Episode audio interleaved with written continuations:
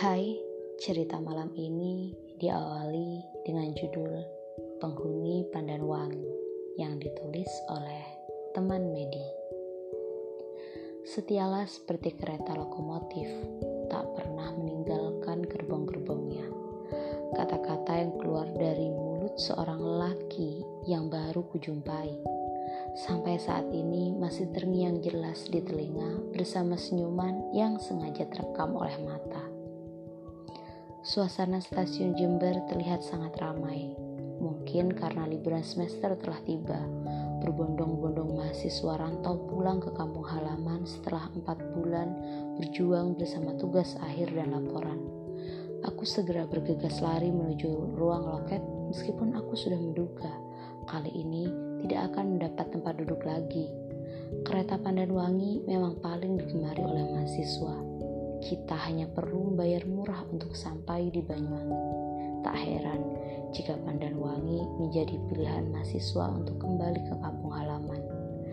Dua jam setengah berdiri dalam kereta menurutku tak masalah. Jarumku akan berbayar ketika sampai di stasiun Sinojuru.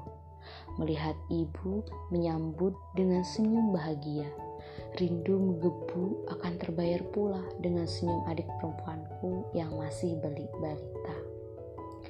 Kereta yang selalu tepat waktu, kali ini berangkat terlambat. Tapi selambat-lambatnya kereta pasti datang. Kalau kamu, entahlah alasan mengapa aku lebih suka menunggu kereta daripada menunggu. Peluit kereta berbunyi. Aku segera masuk ke dalam kereta meski tak tahu akan duduk di mana. Aku melewati gerbong, sesekali melihat dan berharap ada kursi yang kosong. Kali ini Tuhan tak berpihak padaku. Semua gerbong penuh. Ratusan orang bernasib sama sepertiku, membuai sesak kereta. Bahkan sebagian orang rela berdiri di toilet sembari memegang sapu tangan untuk menutupi hidungnya. Aku terus berjalan melewati gerbong-gerbong kereta hingga aku menemukan tempat kosong di bordes dekat pintu kereta yang tertutup rapat. Aku melihat pemandangan sekitar melalui kaca yang melekat di tengah pintu. Gerimis yang menemani perjalanan menciptakan embun di kaca hingga tampak buram. Tangan seseorang dari belakangku menggambar emot senyum dan kalimat hai di atas kaca buram itu. Spontan aku menengok ke belakang. Seseorang berambut rapi dan berkumis tipis tersenyum. Namaku Sujat sapanya.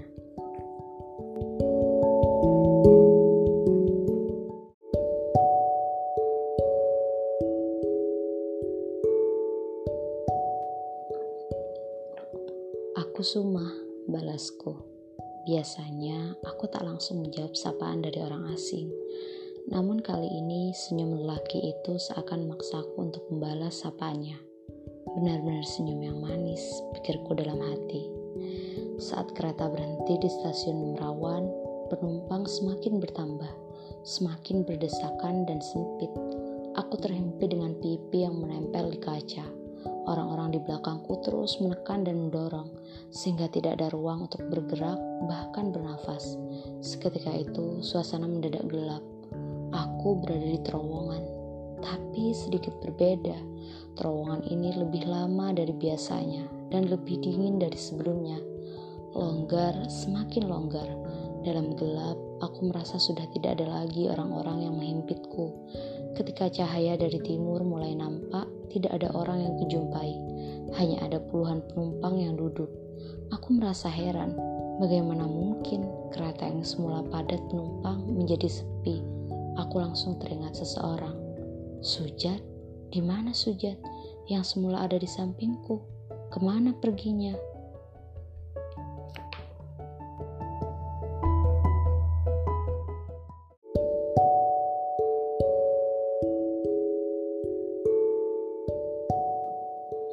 Rupanya pertemuan pertama kami di kereta menghasilkan pundi-pundi asmara.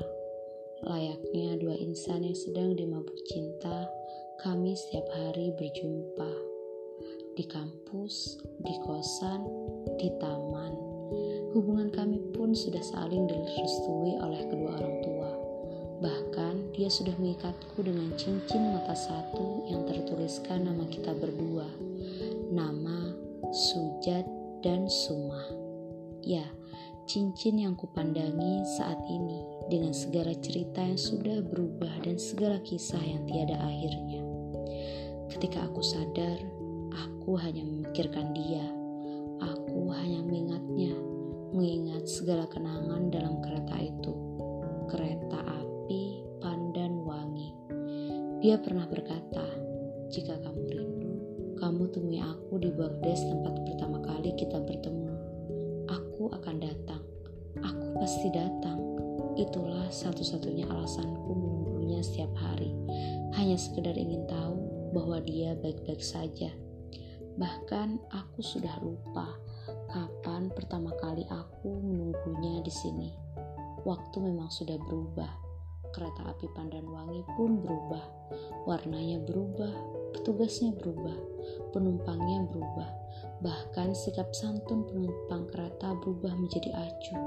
Biasanya mereka dengan ramah menyapa setiap penumpang yang berada di dekatnya. Biasanya petugas kereta menanyakan tujuan dan penumpang sekedar basa-basi untuk mengakrabkan diri. Tapi sekarang tidak ada yang peduli karena memang zaman sudah berubah. Semuanya sudah berubah. Hanya satu yang tidak berubah, perasaanku kepada Sujat rinduku kepada Sujat dan kegigihanku menunggu Sujat. Aku menunggunya setiap hari, dari pagi sampai malam, tanpa ada rasa takut. Meski sesekali aku mendengar pembicaraan dua orang penumpang bahwa kereta api ini berhantu.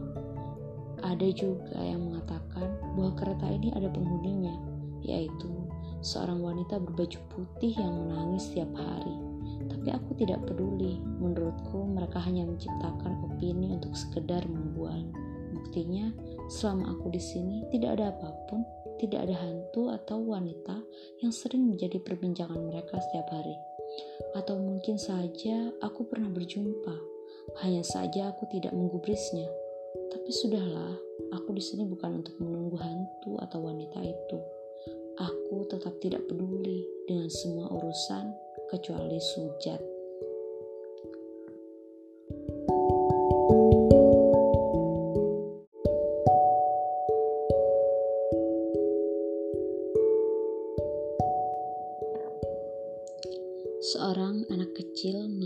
Sesekali, menanyakan tentang kesedihanku. Anak kecil itu terus menatapku seakan-akan ingin tahu segala penderitaanku. Kakak, kenapa ada di sini? Dia mulai mendekat dan terus menatapku dengan iba. Kakak, ayo duduk bersamaku. Dia mulai menarik bajuku. Kakekku sering bercerita bahwa dulu ada seorang wanita cantik yang jatuh dari tempat ini. Wanita itu tewas ketika anak itu terus bercerita meskipun aku sama sekali tidak menggubrisnya. Aku lebih suka mendengar pelut kereta atau suara kereta Pandanwangi saat melintas jalan Gemitir. Suara itu lebih hidup karena didukung pemandangan yang indah sekaligus menyejukkan.